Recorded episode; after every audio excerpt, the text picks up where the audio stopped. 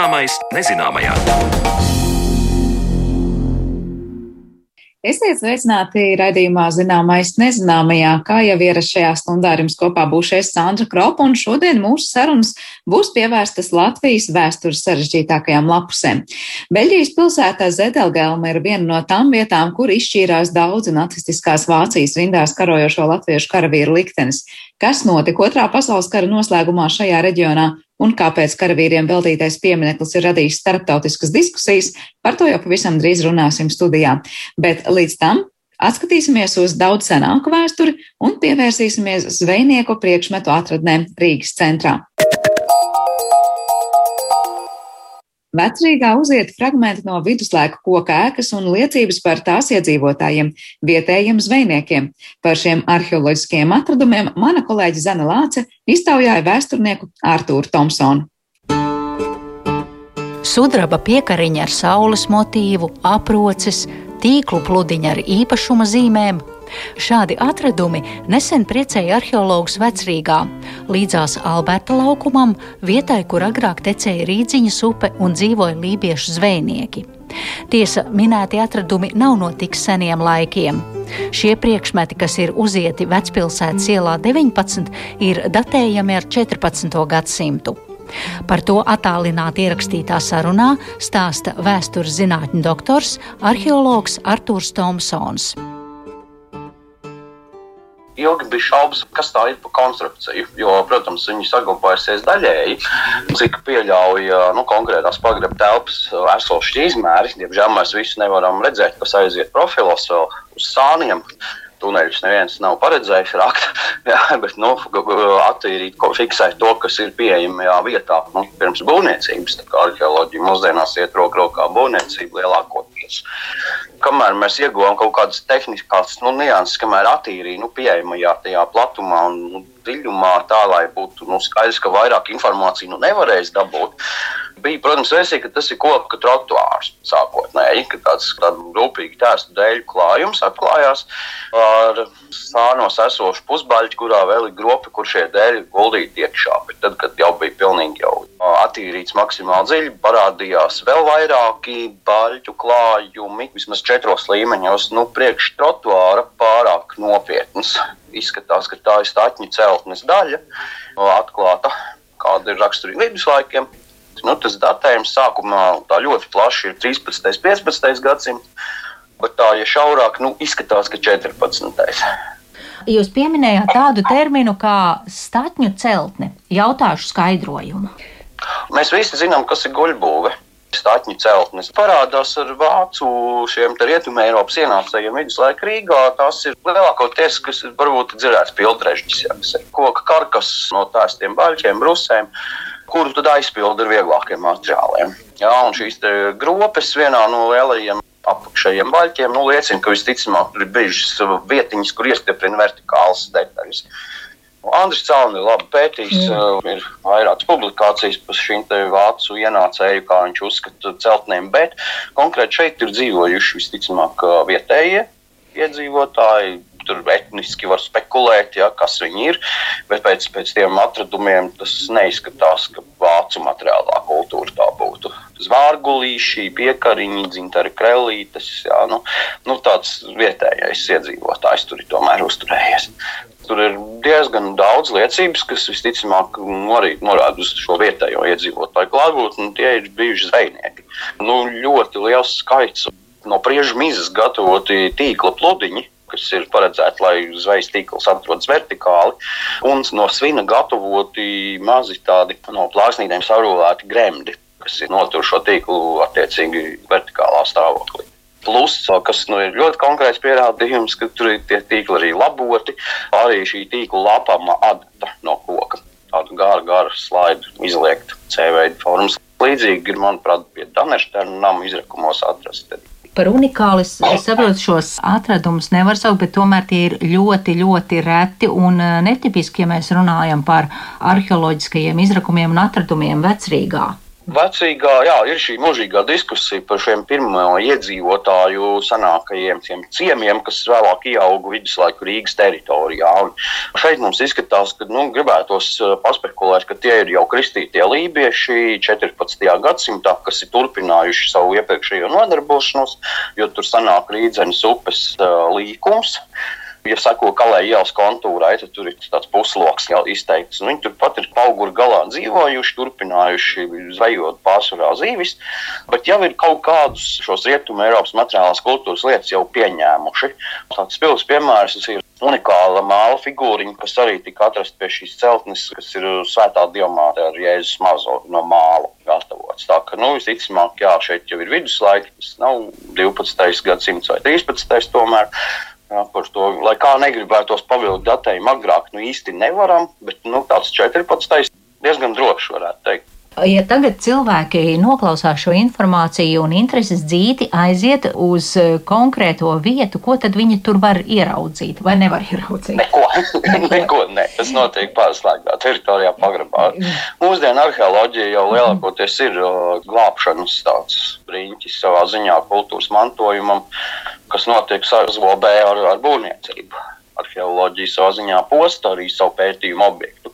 Visi šie dati, ko mēs tagad paņemsim, nu, tie arī paliek. Jā, jo pati ēka jau vairs nebūs, bet ir uh, izgatavots 3D uh, modelis, kas paliek vēsturē no visām pusēm. Viņš ir grozāms, piezīmojams, atzūmojams.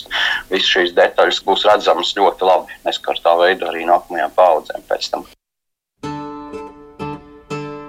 Pēc izpētes šie atradumi tiks salīdzināti ar iepriekšējiem, ko Arthurs Thompsons kopā ar kolēģiem veica turpat netālu Alberta laukuma otrajā pusē Kalēju ielā. Bet turpinājumā sarunā ar Arturu uzzināsim, kā smaržo, vai precīzāk sakot, kā ož vēsture un kādā stāvoklī bija kultūras lānis Vecpilsētas ielā 19. Kultūras lēns bija neskarts. Šīs ēkas plāns, ja paskatās vecpilsētas 19, tur ir samūrēti vēlajos viduslaikos trīs gruntsgabali, trīs senās noliktavas. Tur ir tāds Frankensteina briesmonīts, kur ir sastiķēti kopā dažādi būvperiodi, un tur sākumā bija grūti saprast, kas uz ko attiecās. Bet sanāca, ka viena daļa nav bijusi pagrabs sākotnēji, un tur arī šis kultūras slānis bija visvairāk saglabājies, vislabāk. Burtiski noņemot mūsdienu betonu, parādījās melns, brīnišķīgs, raksturīgais kultūras slānis ar raksturīgo smārdu, ko nevar sajaukt, kur ir šis iekonservētais, viss organiskais materiāls, labi saglabājies bezskābekļa vidē. Un tādēļ arī ir šie labi saglabājušies organikas priekšmeti, jāda, koks, šī priežu mīza, kas citos apstākļos vienkārši nav. Tādēļ varam būt nu, priecīgi, ka šādi objekti gadās, un, un mēs kādu gabaliņu par mūsu vēsturi tomēr izglābjam šo informāciju. Man ieinteresēja, jūs teicāt, raksturīgo smārdu, un, un man tik ļoti gribētos pasmaržot senvēsturi. Kā var aprakstīt to aromātu vai smārdu? Acetoniņš drusku ir. kas ir nu, visi, visi šī trūdoša organika, kas vairs neizdala to aktīvo uh, elementu, bet vēl kaut nedaudz kaut ko ir saglabājusi no tā sākotnējā, latviešu giftīguma. Ir ļaudis, kas to nespēja izturēt. Jā, būvnieki, protams, viebi degunus bieži vien, bet, kad pierod, jā, nekas jau nav grūti.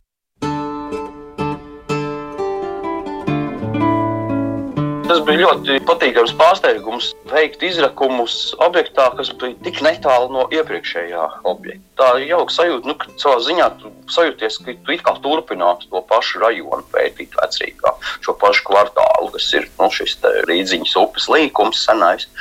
Ja pirms pusotra gada mēs var teikt, burtiski sēdējām aizbērtajā upē, tad tagad mēs paskatījāmies krastā, kas ir noticis tajā laikā. Protams, platība bija cita, bet nu, tas gandarījums, protams, ir liels. Vai varētu kaut kāda kopaina rasties par to vienu kvartālu, vai tur ir dažādi laikmeti un tomēr? Uh, tur, ir, tur bija ļoti interesanti, ka, piemēram, Kalēja 64, 66 varēja it kā pēc vecajiem materiāliem ļoti labi prognozēt, kurā metrā būs kurš uh, senais upes upes koka krasta stiprinājums. Viss arī bija apmēram nu, pusmetra kļūdiņa. Un to visu izrokot, radās jautājums, kur ir agrie atradumi. Nav agro atradumu šajā kalēja ielas būvbetrē. Mm. lielāko daļu atradumu veidojas 16. un 17. gadsimta materiāls. Būtībā jau aizbērums, kultūras lēns, kas atstumts kaut kur no vecrīgas. Šis jauno laiku sākums, kad vecrīga strauji auga, strauji pieauga cilvēku skaits, radās līdz ar to kultūras lēns, ko kaut kur bija jāliet. Un, protams, vienā brīdī to sāka gāzt upē. Līdzīga aina bija kolēģim Mārtiņam Lūsēnam, kad būvēja galerijas centrs piebūvi. Arī bija šie krasta stiprinājumi, un arī samērā vēls materiāls. Tas nozīmē, ka šī rīdziņa upe vēl kaut cik ir funkcionējusi, ka ir vienkārši šie senākie atradumi ir aizskaloti. Ar visu to, ka viņi bija lēna un piesārņota, tomēr kaut kāda plūsma ir diezgan ilgi bijusi.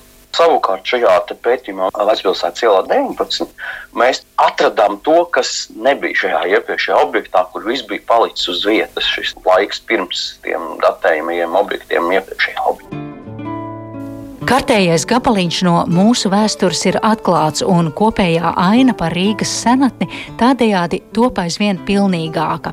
Un arheologa atrastais materiāls pēc izpētes tiks nodots Rīgas vēstures un kuģniecības muzejām. Tā kā iespējams tuvākā nākotnē kaut ko no šiem atradumiem mēs arī varēsim apskatīt. Par 14. gadsimta ēkas un priekšmetu atradumiem vecrīgā stāstīja vēstures zinātņu doktors arheologs Artūrs Tomsons, un ar viņu sazinājās mana kolēģe Zane Lāce Baltalksne. Bet raidījuma turpinājumā pievēršamies latviešu karavīru liktenim pēc otrā pasaules kara.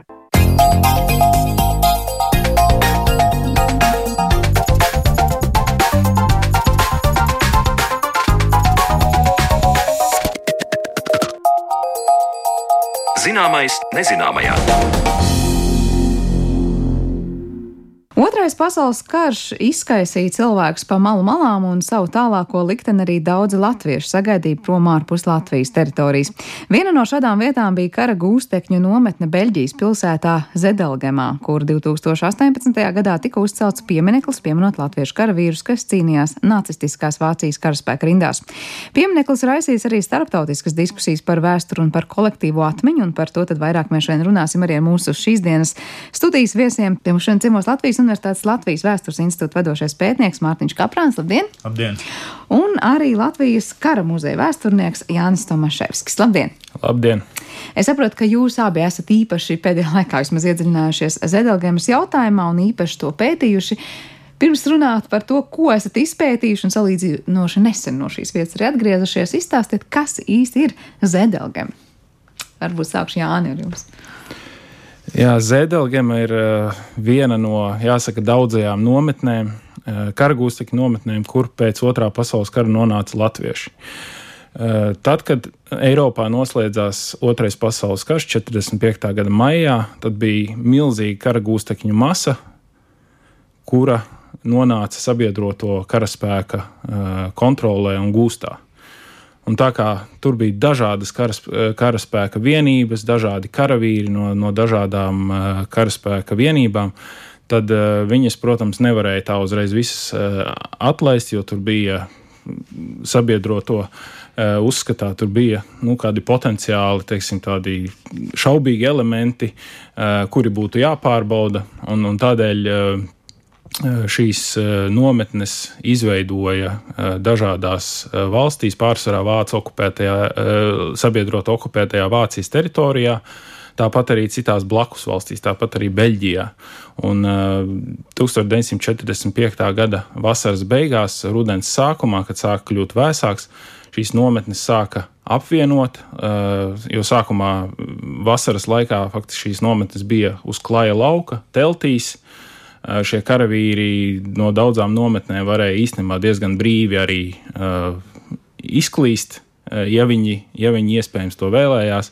Bet, protams, piemēram, latviešu, latviešu karavīru gadījumā viņi izklīst nevēlējās, jo viņiem īsti nebija kur doties. Viņiem, viņi nevarēja atgriezties, piemēram, mājās, kā, kā to varēja varbūt citi karavīri darīt, jo mājās bija padomju okupācijas režīms iestājies, atkārtots. Un līdz ar to viņi gribēja saglabāt savu vienību ar domu, ka, ka kopā tomēr ir, ir drošāk. Un tad 45. gada septembrī apmēram 12,000 latviešu karavīru nonāca Zedelgamā. Kopumā sabiedroto kontrolētajās nometnēs nonāca apmēram 25 tūkstoši latviešu karavīru. Pirms vaicāt, ar ko šī konkrētā nometne atšķīrās no tām citām, kur arī bija šo sabiedroto karavīru, es gribēju jautāt, uz cik ilgu laiku viņi tur bija un cik ilgu laiku viņi tur pavadīja. Zedelgamā konkrēti latviešu karavīri bija apmēram 9 mēnešus līdz 46. gada uh, septembrim. Tas bija laiks, uh, uh, pa kuru uh, sabiedrotie, respektīvi angļi, šajā gadījumā uh, veica šo pārbaudi, saucamo filtrāciju. Saprata, kas tie par karavīriem, vai viņus, vai viņus var atbrīvot, un absolūto vairumu 46. gada uh, maijā atbrīvoja, un viņi varēja uh, nu, faktiski izvēlēties savu nākamo uh, dzīvesvietu. Daļa no viņiem izlēma atgriezties Padomju Savienībā, bet tie bija tikai mazāk nekā 200. Eh, bet lielākā daļa eh, nonāca tā saucamajās dīpīšu, jeb pārvietoto personu nometnēs. Tās ir klasiskas bēgļu nometnes, kuras eh, rietumu pasaulē bija nu, ļoti daudz, un tur nonāca arī dažādi civilie bēgļi no Latvijas. Tā kā Tas bija aptuvenais stāsts. Ar ko atšķīrās šī konkrētā Zēdelgams nometne no citām filtrācijas nometnēm? Droši vien abiem jums jautājums. Nezinu, vai Jānis grib turpināt domu iesākto un Mārtiņš papildināt vai otrādi. Es domāju, ka viņa tā būtiskās līnijās, viņa neatšķīrās no, no citām, jo, jo faktiski lielākā daļa no, no šīm nometnēm bija, bija Vācu, bijušo Vācijas armijas karavīru nometnes. Protams, bija specifiskas nometnes, kuras, kurās, piemēram, bija tikai ieroču SS jeb SS, SS organizācijas uh, biedri, nu, kuri bija teiksim, tādi vairāk tādi pakļauti aizdomām, ka viņi, piemēram, kara laikā būtu veikuši kara noziegumus. Protams, ka uh, latviešu uh, karavīri, kas bija Zedelgamā, arī da liela daļa no viņiem pārstāvējušos ieroču SS vienības, uh, ko Vācu, Vācu okupācijas laikā izveidoja okupētajās eh, austrumu teritorijās. Eh, un jāsaka, ka, protams, ka arī uz latviešu karavīriem sākumā krita šī aizdoma ēna, jo, jo teiksim, rietumu valstis ļoti aizdomīgi skatījās uz šīm SS vienībām. Un tikai laika gaitā faktiski viņi spēja saprast, ka, ka tās šīs baltiešu ieroču SS vienības ir atšķirīgas no, piemēram, tām SS vienībām vienībām, kuras izveidoja rietumos, Vācu okupētajās teritorijās, kur bija pārsvarā brīvprātīgie.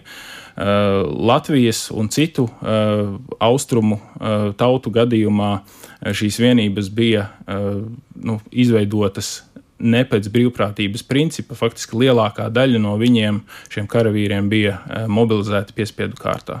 Mm. Mārtiņa, varbūt kāds uh, papildinājums vai savs skatījums. Es domāju, ka varbūt vienīgais, ko vietā ir piebilst, ka ir jāpatur prātā, ka pēc kara eh, tad, tad Vācijas teritorijas sadalīta tādās zonās, uh, kur sabiedroto spēki ir sadalījuši kompetences, tad, tad ir britu, ir amerikāņi, ir padomju savienības. Un ir arī franču zona.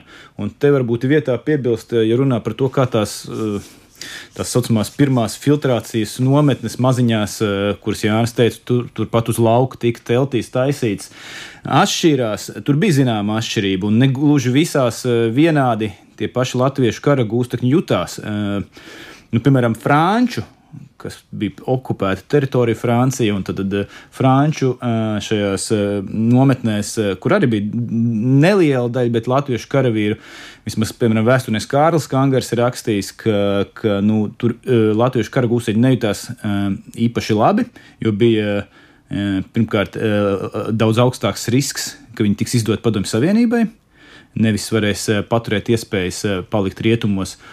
Un arī kopējā attieksme pret karagūstekņiem, ņemot vērā, kas saka, franču kopējo, varbūt to okupācijas, nezinu, pieredzi, nebija tā labākā un varbūt ne tā, ne tā saprotošākā pret, pret karagūstekņiem. Tā kā, nu, rāvās ārā. Un tam, tas ir īstenībā svarīgi kontekstam. Mēs droši vien atnāksim šajā sarunā vienā brīdī līdz mūsdienām šo franču kontekstu paturēt prātā un, un, un, un, un, un, un, un ieraudzīt to atšķirīgo attieksmi pret tiem karagūstiem arī mūsdienu kontekstā mūsdienās. Bet, ja šobrīd salīdzinām kaut vai tās Francijas teritorijas okupētās un tur esošās nometnes no tā, kas bija Zedelgamā, tad sanāk, ka Zedelgamē bija nu, krietni vienkāršāki tie apstākļi nekā tajā Francijas pat teritorijā. Jo lasot, liekas, ka tieši Zedelgamā bija diezgan nu, smagi un grūti tiem cilvēkiem. Nu, tur chronoloģiski pirmkārt ir atšķirības, eh, kad tas notika. Jo Zedelgam jau bija tas nākamais posms, kad tās mazās, nu, nu, mazās eh, apvienotās, filtrās, apvienotās, jā, un tur bija tomēr 11,700 latviešu karagūsteņi, kas ir nu, milzīgs cipars patiesībā. Un, un, un, un, Nu, tas ir interesants jautājums. Es, nezinu, es domāju, ka, ka šis ir viena no tām klasiskajām uh, vietām, kur mēs varētu teikt, ka varbūt vēsturnieki to varētu pētīt, tādā salīdzinošā analīzē, saprast, kur bija vieglāk vai kur nebija. Jo viens ir subjektīvā puse un tīri objektīvi saprast. Visdrīzāk Zedelgama mēs bijām arī paši tur, tur tās dažas barakas vai tās mājas ir saglabājušās no tā laika, kas ir celtas. Nu, tas gluži nav tās pašas sliktākās vietas, kur cilvēks vai karagūsteknis varētu uzturēties, bet, protams, tur ir jāpaturprātā ierobežotā pārtika. Un arī daudz citas lietas, tā skaitā disciplīna. Jā, es tur droši vien varu smalkāk pastāstīt, kāda bija tā ikdiena kara gūstekņiem. Viņš ir lasījis gan tās atmiņas, tā kā, jā. Jā, jā.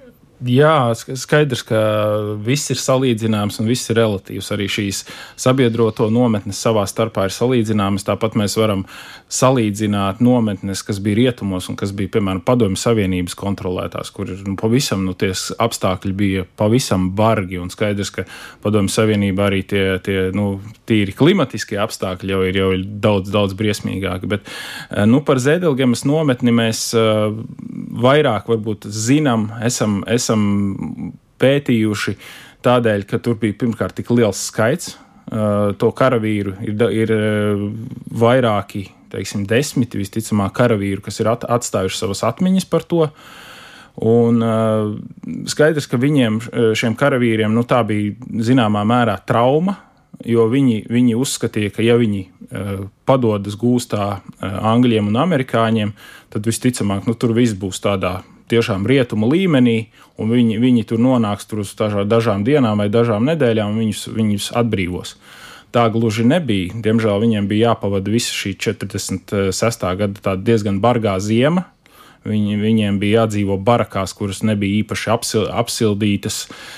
Tur regulāri svilpoja vējš ar tādu vienlaikus ar tādu ļoti trūcīgu uzturu. Skaidrs, ka tas to, to galīgi nevar salīdzināt ar padomju nometnēm, kur bija arī pie visa trūcīgā uztura arī bija jāstrādā ļoti fiziski smags darbs. Līdz ar to nu, tur, tur to cilvēku, kas, kas gāja bojā šajās nometnēs no bada slimībām, no pārstrādāšanās un tam līdzīgi, bija krietni mazāk. Tur, tur kopumā Eh, nedaudz vairāk nekā 80 karavīri ir miruši no, no, nu, teiksim, no slimībām un tam līdzīgi. Bet nu, jādomā, ka ne, ne īsti no bada, bet skaidrs, ka tas nebija komfortabli. Viņi bija, uz, bija uzskatījuši, ka tas būs daudz, daudz eh, vienkāršāk eh, Es nezinu, cik tas ir mīts vai patiesība vai, vai kā citādi, bet lasīts, ka nu, tie cilvēki, kas tur ir bijuši, pat dažkārt dodoties strādāt kaut kur ārpus šīs nometnes, taču dabūjuši maizi no kādiem vietējiem iedzīvotājiem, un tad atgriežoties nometnē, to viņiem ir atņēmuši tie, kas viņus laiž iekšā šajā nometnē, vai tā ir tiesa un tiešām tie apstākļi tur bija tādi.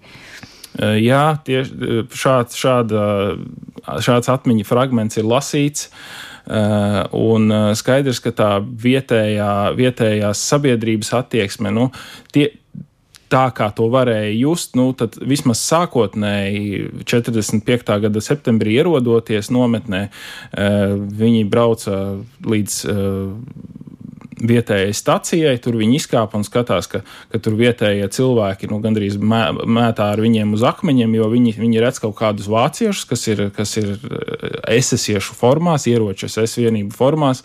Un tad viņi, protams, neuztver, ka tie ir piemēram latvieši, kuri īstenībā nav paši tur brīvprātīgi sākuši dienēt, bet viņi ir, viņi ir mobilizēti piespiedu kārtā. Uh, ar laiku, eh, cik no tām atmiņām var saprast, nu, tā sabiedrības attieksme iespējams mīkstinās, bet no otras puses, runājot ar vietējo Zedelgamas vēsturnieku, ar ko mēs tikāmies vizītes laikā, viņš, viņš uzskata, ka vietējā sabiedrība īstenībā ļoti maz ko zināja, kas tā ir par nometni, kas tur atrodas, jo viņa bija slēgta teritorija, tur nevarēja tā vienkārši piekļūt, viss bija dzel, dzeloņdrātīs ietīts. Līdz ar to, ja bija kaut kādi kontakti, tad tiešām tie bija kad karavīri devās kaut kādos darbos, un, protams, ir dzirdēts, ka vietējie beļģu apsargi, kuri, kuri pēc tam viņus laidīja atpakaļ nometnē, viņi šo, šo mai, iedoto maizi ir paši paņēmuši sev un pēc tam pārdevuši citiem latviešiem par trīs reizes dārgāku cenu.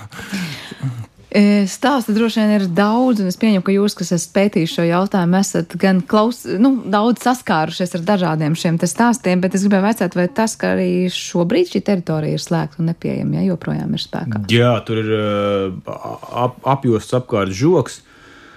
Turklāt iekšā, nu, var tikt tikai ar, īpaša, ar īpašām privilēģijām. Tā teikt, ne kurš katrs zedelgamietis tur var tikt iekšā. Un, bet ir perspektīvā paredzēts attīstīt šo te teritoriju, kas, protams, nozīmē milzīgas investīcijas. Bet nu, mēs, jā, tie, tie, tiekoties ar vietējiem cilvēkiem, runājot, mēs sapratām, ka uh, ja šīs investīcijas būs, tad, tad ir paredzēts šo te nometnes teritoriju, bet nu, ne tik daudz tieši pašu to nometnes vietu, bet kopējo to teritoriju, kas apjož tā skaitā, kur ir tās vēsturiskās barakas ēkas saglabājušās, to attīstīt un padarīt par pieejamu un acīm redzot arī izcelt šo vēsturisko nozīmi. Tur jau tagad patiesībā ir nu, mākslas objekti parādījušies interesanti, kas arī piemin latvi, latviešu, latviešu karavīru, nu, karavīrus šajā otrā pasaules kara kontekstā. Kā, jā. ko jūs konkrēti kā vēsturnieki tur cenšaties primāri noskaidrot, un vai arī citu valstu vēsturnieku interešu lokā ir Zēdelgana? Nu, laikam, laikam šobrīd eh, tā interese ir eh, palielinājusies krietni saistībā ar to, ka 2018. gadā ir atklāts šis piemineklis, kas, protams, ir aizsījis diskusijas. Uh, un, un skaidrs, ka pētījumi joprojām būs. Arī mums ar Mārtiņu ir plānots rakstīt tādu zinātnisku rakstu, tieši kas saistās gan ar vēsturi, gan arī ar, ar mūsdienu to piemiņu un, un, un izpratni mūsdienās. Jo, jo šeit mēs varam redzēt, Mārtiņš noteikti vairāk kā, kā sociologs var, var, var, var pastāstīt, bet šeit mēs varam redzēt tādu sadursmi, kā kā uh, uztver šīs uh, vācu militārās vienības uh, rietumos un kā uztver austrumos. Skaidrs, ka arī Latvijā tā nav, nav vienota izpratne, bet, bet mums vismaz ir skaidrs tas, ka, ka šeit uh, cilvēki, kuri šeit uh, dienēja ieročus vienībās, viņi nebija tādi, kuri aizgāja brīvprātīgi. Tur brīvprātības procents varēja būt nu, 15 vai, vai maksimums 20%. Un, un tāpat tie, kuri nu, teiksim, kara sākumā jau sāka dienēt šajās vienībās, eh, tad nu, rietumos tas bija pavisam cits stāsts, bet viņi kaut kā, diemžēl, eh, negrib uztvert nu, to, to atšķirīgo stāstu, kas ir latviešiem. Jo mums bija gan, gan šī piespiedu mobilizācija, gan arī divas okupācijas, eh, ko viņi arī, arī īsti laikam līdz galam neuz, neuztver, jo esot vietējos muzejos, nu, tāds uh, kopējais tāds, liekas, noskaņojums uh, rietumos ir tāds, ka nu, sabied, uh, padomju savienība bija rietumu sabiedrotā karā. Bet tas, bet tas, ka viņi bija okupējuši šīs Baltijas valstis, tas, tas, tas viņiem kaut kur ēnā paliek. Mhm, Mārtiņa galvā gribēja. Nē, es uz, uz, uz, visam, kar, uz, kas, uz karstām pēdām piebilst. Mēs, uh, Vispār, eh, kāpēc mēs bijām Beļģijā pirms divām nedēļām un uh, viesojamies arī Zedelgamā, mums ir viens tāds palielāks pētniecības projekts, kur ne tikai mēs darbojamies, bet arī citi kolēģi ar nosaukumu pārvērtējot bezvalstiskuma pieredzi, pretestība un kolaborācija Latvijā padomju un nacistiskās okupācijas laikā 43. gads. Mēs šī ietvaros skatāmies dažādus gadījumus, gan vēsturiski, gan arī mūsdienās, kur uh, rodās problēmas, kur joprojām ir neatrisināti kaut kādi mezgli, uh, kas uh, turpina sabiedrību sabiedrībā uzturēt spriedzi. Un, eh, jā, Jānis pieminēja to, cik grūti kaut kādā ziņā komunicēt uh, to mūsu sarežģīto Uh, otrā pasaules kara vēsturi, kur mums ir tā dubultā okupācija, dubultā agresija pret Latvijas civiliedzīvotājiem, un tā skaitā arī pret mūsu, nu, mūsu karavīriem uh, savā ziņā ir jāizjūt šī dubultā agresija no padomju un nasiskās okupācijas puses. Un, uh, nu, piemēram, mēs bijām Amsterdamā arī viņa pretošanās muzejā. Teikt, otrā pasaules kara pretošanās, tam līdzīgi. Un kāda sajūta ir jūs iziet cauri, tur stāsta daudz ko par to pagrīdes darbību, kā tur pretojās naciskajai okupācijai, un Nīderlanda arī diezgan pāris dienās, tā teikt, tika okupēta. Un tad tas pēdējais beigu akors ir tāds, jūs ejat ārā no šī muzeja, un pirmais karoks ir liels padomju savienības karoks, kā uzvarētāja valsts karoks. Ja? Jūs saprotat, kāda mums ir sajūta. Un tur pat tas amerikāņu karoga vispār kaut kur fonā paliek. Pirmais ir liels padomju savienības karoks, sirds un āmurs. Kurš es nezinu, vai pat Latvijā tagad pēc pēdējiem likuma grozījumiem, vai pat drīkstētu parādīties publiski. Bet mēs ejot ārā, un tad jūs domājat, kā šiem cilvēkiem izstāstīt, ka mums Padomju Savienība eh, Latvijai vai Baltijas, eh, Baltijas valstīm kā tādām ir tieši tāds pats ļaunums, kāda ir eh, Naciskā Vācija. Un ieejot šeit, vidējam latvietim, rodas, kā tagad modē teikt, tāds, nu, tad, saka, stress un, un, un, un, un, un apmulsums no tā, kas, kas, kas notiek. Jo nu, tā ir pilnīgi citādāks vēstures stāsts, kurā faktiski nekādā veidā neparādās tas, ka teritorija starp tātad, Rietumē Eiropu un Padomju Savienību lielā mērā palika okupēta, palika okupēta vai kā satelīta valstis Padomju Savienībai. Padomju Savienības satelīta valsts. Un, un ar šo te mēs arī satie, sastopamies, kad mēs esam nokļuvuši līdz tai ažiotāžai, kas patiesībā nekur nav beigusies un joprojām turpinās saistībā ar Zēdelgamas piemiņas vietu. Jo 2018. gadā nu, kaut kādā ziņā droši vien uz simtgadus arī viss tā viļņa tika atklāts. Tika atklāta piemiņas vieta Ziedonis centrā, ne gluži tajā vietā, kur atradās karavīri, bet pašā pilsētā stāvstrops, Latvijas stāv, stāvstrops brīvībai. Kristaps Gulbis, autors šī pieminiekļa, kas ir kopfinansēts no Latvijas okupācijas muzeja un Ziedonis pašvaldības puses. Nu, tāds diezgan saka, tāds realistisks bišu strops, kurā kā tur pieteikts, bija tajā aprakstā, aptuveni vidēji dzīvo vienā tādā bišu stropā ap 12,000 bišu, kas kaut kādā veidā sabalsojas ar tiem turpat vai 12,000 latviešu karagūstekļu, kas atradās Zēdelgēmā. Nu, tad tur tā metāfora ir, ka lūk, tas bišu strops ir tas, kurš ir kā tāda sabiedrības saticīga un tam līdzīgi, bet ja tur viņu satricina, tad, tad, tad ir jāizstāvās, ja un bits aizstāvās. Nu, Restīvi, tās ir tas stāsts, kas bija tajā plāksnē, kuru pēc visas ažiotāžas, kur lielā mērā pieslēdzās izteikti nu, tā, vienpusēji orientētas nevalstiskās organizācijas, un arī Be Beļģijas politiskās partijas, un arī Franču un Beļģijas frankfonās daļas mēdīji, un apsūdzēja, ka šis pieminieks ir klaja nacisma glorifikācija, eh, holokausta upuru noniecināšana. Nu, Restīvi piecēja gandrīz klāt visu to, ko mēs regulāri dzirdam no Krievijas eh, propagandas attiecībā uz Otro pasaules karu un Latviešu leģionu. Tā kā eh, Un, un tad, tad ir tas jautājums, kādā veidā uz šī visa, ažutāžas mēģināt izskaidrot, kāpēc uh, jūs ar to savu pieredzi, kur jums ir tikai viena okupācijas eh, vara bijusi, mēģināt izskaidrot šo stāstu, ka mēs esam pilnīgi citā situācijā vēsturiski bijuši. Bet kāpēc? Nu, to taču nav tā, ka cilvēki nezina, ja par to sāk interesēties. Un tas taču visai Eiropai ir zināms, kas notika vēsturiski šajā reģionā. Kāpēc to ir tik grūti? Uztvert vai saprast, vai kur jūsuprāt ir tie klupšanas akmeņi, kāpēc tas tiek pielīdzināms gandrīz vai nacismu glorifikācijai? Nu, eh, nu, to jau jūs tā ļoti precīzi arī uztvērāt, vai uzsvērāt, ka viens ir zināt, otrs ir saprast. Jo nu, mēs, eh, mm, mēs varam iemācīties eh, pareizi, pareizi kaut ko darīt, vai pareizi atbildēt, kā būt pareizi, bet kaut kur iekšā caur kultūru Un tas jau ir paudzēs pārmantots, ir kaut kāds uzsūkts domāšanas modelis. Ja? Nu, par sevi, piemēram, domāt kā par rietumiem, vai par sevi domāt kā par kādu progresa nesēju, nevis par atpalikušu reģionu. Nu, tāpat tās arī attiecībā uz vēsturi un uz šiem vēsturiskiem notikumiem. Nu, ka, tad, tad, mūs okupēja viena vara, un tas ir objektīvi tā arī bija. Tad bija viens, viens totalitārais režīms, un mūs, mēs paši ar savu pretošanos un sabiedroto līdzdalības, runājot par Beļģiju, atbrīvojāmies.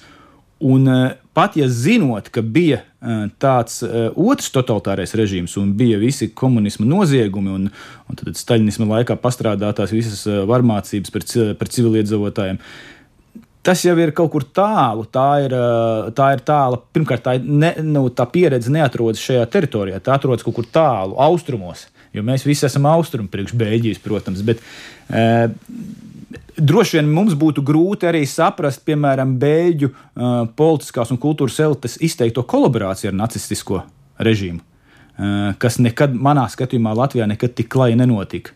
Un turklāt eh, Beļģijas gadījumā flāmu, es tagad uzsvēršu, te ir laikam droši vien klausītājiem īpaši jāuzsver tā neiedomājamā divkopienu sabiedrība, kāda ir Beļģijā. Ja mēs par savu sabiedrību šad un tad mēdzam domāt par kādu divkopienu, tad mēs vēl esam tālu līdz divkopienu sabiedrībai, jo tās ir principā divas valstis faktiski kaut kādā ziņā. Tad ir frankofonā, tad franču valodā runājošā valoņu daļa un ir Flandrija kas varētu teikt, runā tādā uh, nīderlandiešu dialektā, riet, uh, vai nezinu, beļģu nīderlandiešu valodā.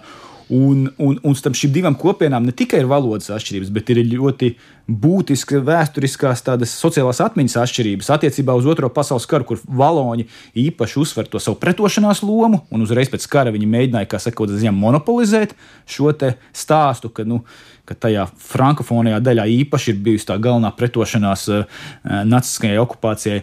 Tad savukārt Flandri mm, uzsver to, ka viņi lūk nepieļāva bolševisma un sociālistu uzurpāciju pēc kara, ka pasargāja no, no, no, no kaut kādiem upuriem. Un, un tajā Flandrijā arī ir izteikti bija šī sadarbība, kolaborācija ar naciskās okupācijas režīmu. Un eh, joprojām, starp citu, tieši aptuveni ap to pašu laiku, kad tas Zēdelgems piemineklis eh, tika atklāts, eh, Beļģijā bija diezgan lielas diskusijas. Tur gan tas jāsaka, vairāk bija saistīts arī ar, ar plašākiem globāliem notikumiem, bet diskusijas par ielu pārdēvēšanu. Ehm, saistībā ar visu koloniālo vēsturi, jo Beļģijai ne tikai Otrais pasaules karš ir varbūt sāpīga tēma, bet arī visa Kongo stāsts par to, kā viņi tur ir izmantojuši vietējo cilvēku resursu un cik nežēlīgi izturējušies pret vietējiem ehm, cilvēkiem, tad vietējiem iedzīvotājiem. Un Šarlotsvillā, kad notika milzīgie grautiņi Amerikā Trumpa laikā, tad šis vilnis atnāca līdz Eiropai un Beļģija nepalika neskarta un par teikt, viņu par viņu nodarīto, tas diezgan lielā mērā uzjundīja diskusijas par vispār kopējo vēsturisko mantojumu. Tā izskaitā arī par nacistiskās okupācijas laika mantojumu, jo ir daži personāži, tā skaitā viens katoļu slavens mācītājs tā laika, kura vārdā ir nosaukts vairākās pilsētās ielas. Bet viņš klasiski kolaborēja ar, ar, ar, ar, ar, ar, ar, ar tikās ar teiksim, augstākā ranga eh, naciskās Vācijas amatpersonām, un, un idejiskais iedvesmotājs bija Flandru nacionālistiem. Un viņa vārdā ir nosauktas ielas, Un tad tā diskusija ir, vai mēs varam kolaborantu vārdā turpināt saukt ielas. Un lielā mērā politiski, teiksim, konservatīvā elite uzskata, ka mēs nedrīkstam pārrakstīt vēsturi, mēs drīkstam papildināt kontekstuāli. Un šis ļoti kādā ziņā sabalsojas uz to, kāpēc mm, tas Zēdelgams mm, piemineklis var, varēja atrasties tieši un, un tika, varētu tikt atklāts tieši šajā Rietumflandrijā, kur varbūt vairāk ir sapratne pret pret to. Man noslēdzot šo sarunu, tāds jautājums, nu, protams, ka mums pašiem ir vienmēr interesanti, ko vēsturnieki jaunu izcels gaismā gan par šo vietu, gan par tā laika cilvēkiem un tā laika notikumiem. Bet tomēr kāds ir tāds nu, virsmērķis? Es nezinu, brīžiem liekas, es saklausu to, ka mēs gribam kādam izskaidrot. Kādam ārpus Latvijas teritorijas, tad jautājums, vai tas nebūs vienalga pārāk tālu gan laikā, gan telpā no viņiem, un viņiem lielās līnijās ir vienalga, kāda ir mūsu mēģinājuma izskaidrot, kas notika un mēs bijām vai nebijām. Tajā laikā pārāk sadarbojušies ar nacistiem un slavinam vai neslavinam. Proti, nu, ko šie pētījumi patiesībā grib pateikt tiem citiem un mums pašiem. Varbūt Jānis sākšu, pēc tam ar Mārtiņu finišēšu. Tu skaidrs, ka tas nav tāds eh, vienas dienas jautājums, un, un ar, ar pētījumu un pētījumiem, kas, kas top un, un vēl taps, uh, nu, tas ar, ar tiem iepazīstoties tikai pamazām, teiksim, sabiedrība var kaut kā nonākt pie kaut kādas uh, sapratnes. Kas ir mūsu mērķis? Pirmkārt, izskaidrot. Izskaidrot uh, pirmkārt jau pašiem sev, jo arī Latvijā tomēr tie viedokļi ir dažādi.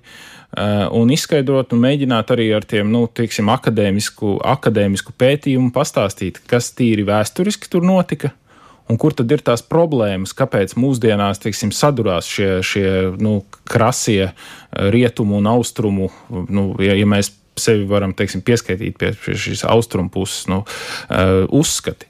Uh, un, uh, skaidrs, ka te, te ir jau Mārtiņš jau diezgan labi iezīmēja to, to vietējo, to Beļģijas fonu un, un vispār rietumu, rietumu fonu, ka, ka joprojām šķiet, ka par šiem jautājumiem nu, rietumos dominē tā saucamā uzvarētāja versija. Nu, viņi, viņi tomēr uh, cenšas uh, stāstīt to, ka tas viens, tas nacistiskā Vācija, tas bija tas lielākais ļaunums, tas bija uzvarēts.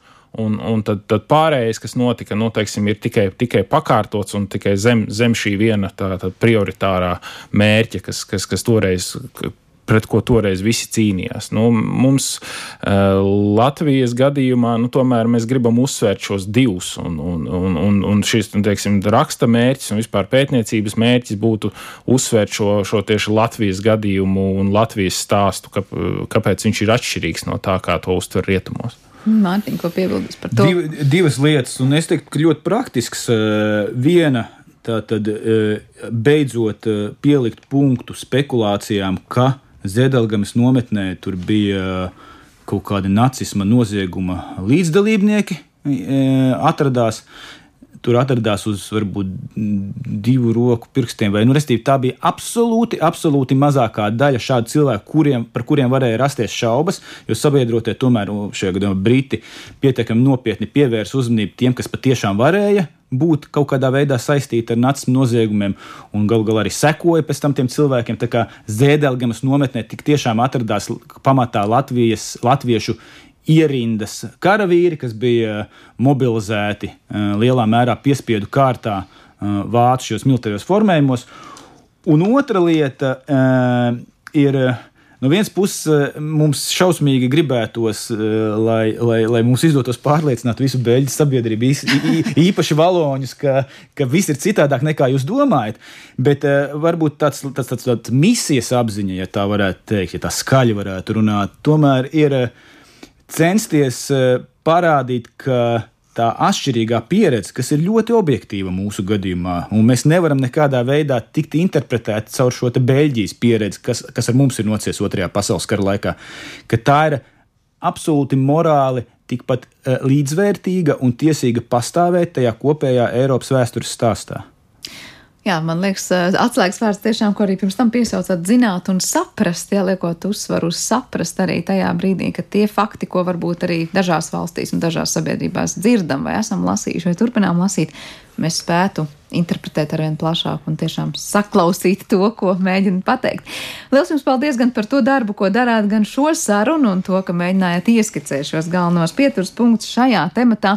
Atgādināšu mūsu klausītājiem, ka šajā raidījuma pusstundā bijām kopā ar Latvijas Universitātes Latvijas vēstures institūtu vadošo pētnieku Mārtiņu Kaprānu, kā arī Latvijas uh, kara muzeja vēsturnieku Jāni Tomaševski. Ar to arī raidījums ir izskanējis un par to parūpējās producenta Paula Gulbinska, mūzikas redaktors Girs Bišs, skaņu režijā bija Normīts Papa, bet ar jums kopā Sandra Kropa. Uz tikšanos!